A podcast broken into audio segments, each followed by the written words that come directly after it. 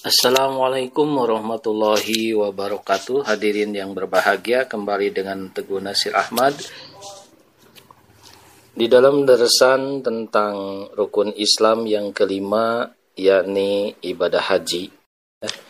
Dan sekarang kita lanjutkan kembali Bahwa Di dalam haji ini ada tingkatan ya. Ada yang sebut tingkatan haji haji dipandang dari tingkatan syarat-syaratnya mempunyai lima tingkatan. Yang pertama, sah semata-mata. Syaratnya adalah Islam. Maka sah haji anak-anak walaupun belum mumayyiz, belum akal balik dengan pimpinan walinya. Kemudian yang kedua sah mengerjakannya sendiri dengan syarat Islam dan mumayyiz. Yang ketiga sah untuk haji yang dinazarkan. Syaratnya Islam, balik dan berakal. Dan yang keempat sah menjadi bayaran fardu Islam, yakni kewajiban sekali seumur hidup dalam mengerjakan ibadah haji. Syaratnya adalah Islam, balik, berakal, dan merdeka. Dan tingkatan yang kelima adalah wajib. Syaratnya Islam, balik, berakal, merdeka, dan mampu atau kuasa. Inilah lima tingkatan haji. Kemudian yang perlu kita ketahui lagi di dalam ibadah haji adalah ada yang disebut rukun haji. Haji yang pertama adalah ihram.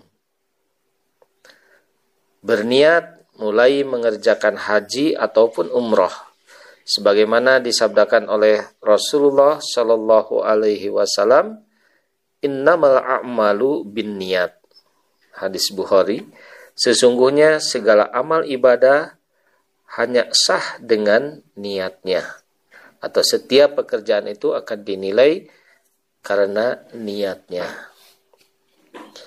Yang kedua hadir di padang Arafah yakni pada waktu yang ditentukan yaitu mulai dari tergelincir matahari yakni waktu lohor tanggal 9 bulan haji sampai terbit fajar tanggal 10 bulan haji.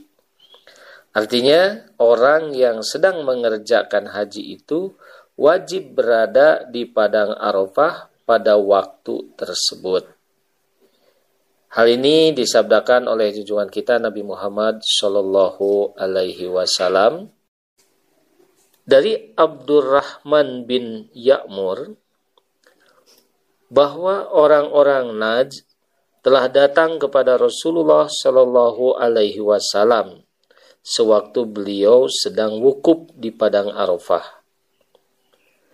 Mereka bertanya kepada beliau, maka beliau terus menyuruh orang supaya mengumumkan haji itu hanyalah Arafah.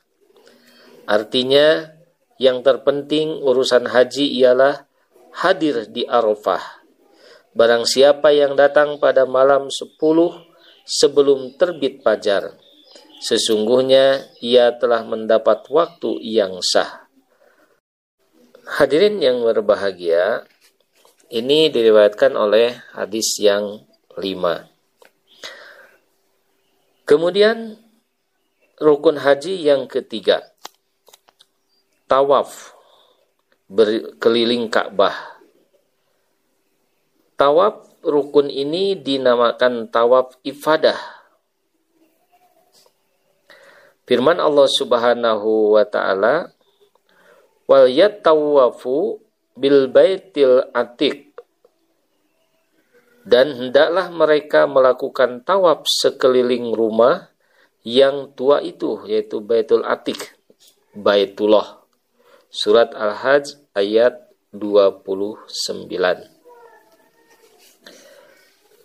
Kemudian ada syarat tawaf. Yang pertama menutup aurat.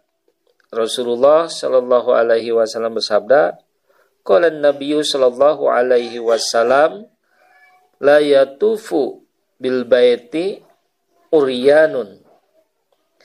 Janganlah engkau tawaf mengelilingi Ka'bah sambil telanjang. Diriwayatkan oleh Bukhari dan Muslim. Kemudian syarat yang kedua suci dari hadas dan najis. An Aisyata Inna awwala syai'in bada'a bihin Nabi sallallahu alaihi wasallam. Hina qadima annahu tawaddoa thumma tofa bil bait. Dari Aisyah sesungguhnya yang pertama dilakukan Nabi Shallallahu Alaihi Wasallam ketika beliau tiba di Mekah ialah mengambil wudhu kemudian beliau tawaf di Baitullah Hadis riwayat Bukhari dan Muslim. Berikutnya syarat tawaf yang ketiga yaitu Ka'bah. Hendaklah di sebelah kiri orang tawaf. Jadi ketika tawaf, Ka'bah harus ada di sebelah kiri kita.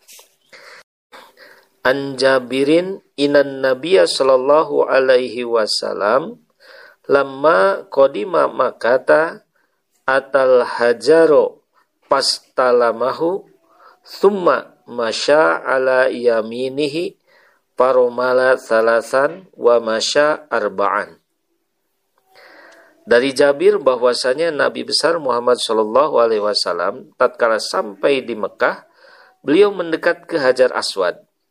Kemudian beliau menyapunya dengan tangan beliau. Kemudian berjalan ke sebelah kanan beliau. Berjalan cepat tiga keliling dan berjalan biasa empat keliling. Hadis riwayat Muslim dan Nasai. Rasulullah Shallallahu Alaihi Wasallam menyapu Hajar Aswad.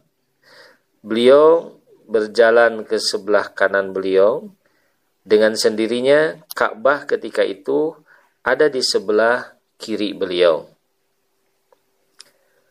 Kemudian syarat tawaf yang keempat adalah permulaan tawaf itu hendaklah dari Hajar Aswad. Jadi harus dimulai dari Hajar Aswad.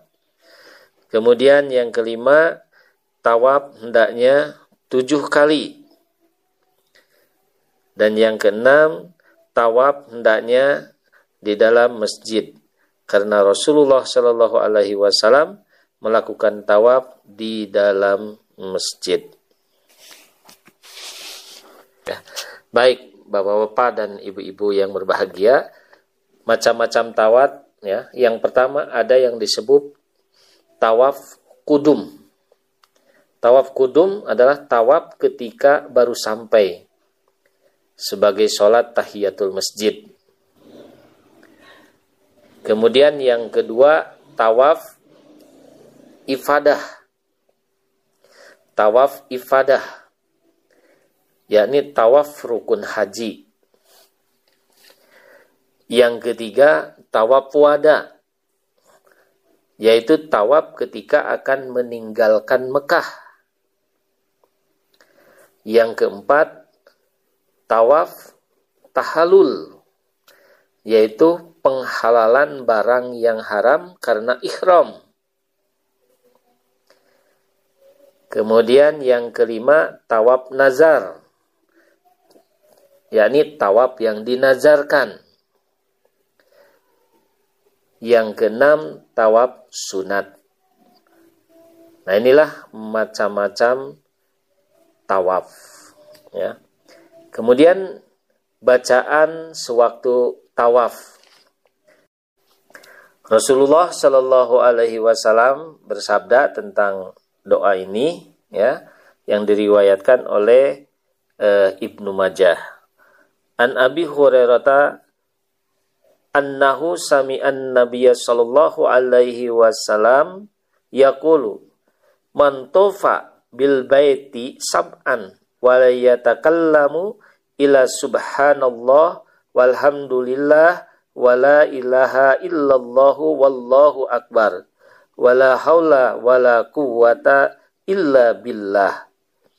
Muhiyat anhu asra sayyi'at wa kutibalahu asru hasanat wa rufi'alahu biha asru darajat dari Abu Hurairah bahwasanya ia telah mendengar Nabi Shallallahu Alaihi Wasallam bersabda, Barang siapa berkeliling Ka'bah tujuh kali dan ia tidak berkata selain dari baca Maha suci Allah dan segala puji bagi Allah. Tidak ada Tuhan yang patut disembah kecuali Allah. Tidak ada daya upaya dan kekuatan kecuali dengan pertolongan Allah. Orang yang membaca kalimat tersebut dihapus darinya sepuluh kejahatan, ditulis sepuluh kebaikan, dan diangkat derajatnya sepuluh tingkat. Ini hadis riwayat Ibnu Majah. Jadi silahkan Bapak Ibu ketika bertawab maka inilah doanya ya harus diingat. Walaupun sudah hafal betul, kadang-kadang kita mau mempraktekannya suka kebingungan ya. Jadi kalau perlu bawa catatan. Kemudian hadirin yang dan hadirat yang berbahagia, hal yang lainnya rukun haji adalah sa'i.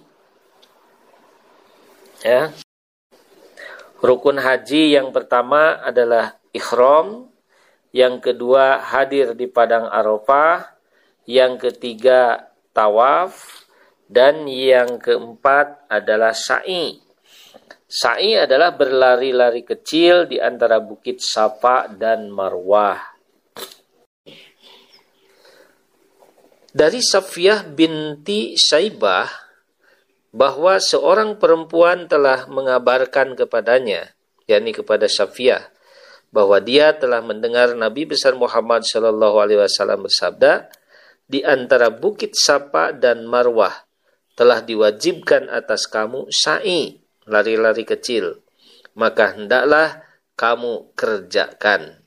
Hadis riwayat Ahmad.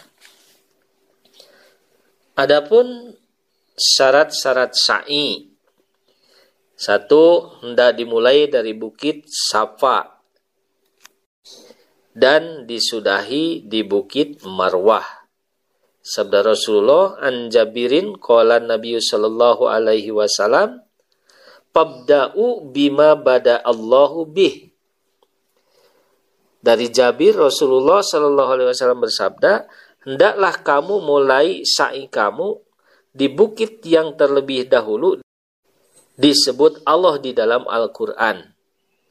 Nah, di dalam Al-Quran yang pertama disebut adalah sofa. Ya. Jadi ini di, di dalam hadis riwayat Nasai. Kemudian yang kedua hendaklah sa'i itu tujuh kali karena Rasulullah Shallallahu Alaihi Wasallam telah sa'i tujuh kali dari Sapa ke Marwah dihitung satu kali.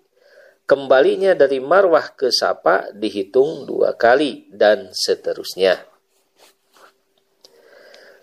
Yang ketiga, waktu sa'i itu hendaklah sesudah tawaf, baik tawaf rukun ataupun tawaf kudum.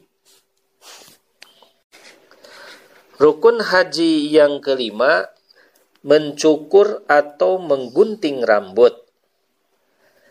Dan rukun haji yang keenam adalah menertibkan rukun-rukun itu sesuai dengan urutannya yang sudah dijelaskan. Itulah hadirin yang berbahagia beberapa hal yang memang harus diperhatikan oleh kita ketika kita melaksanakan ibadah haji. Saya ucapkan mubarak kepada Bapak Ibu yang sudah melaksanakannya. Wabillahi taufiq wal hidayah. Wassalamualaikum warahmatullahi wabarakatuh.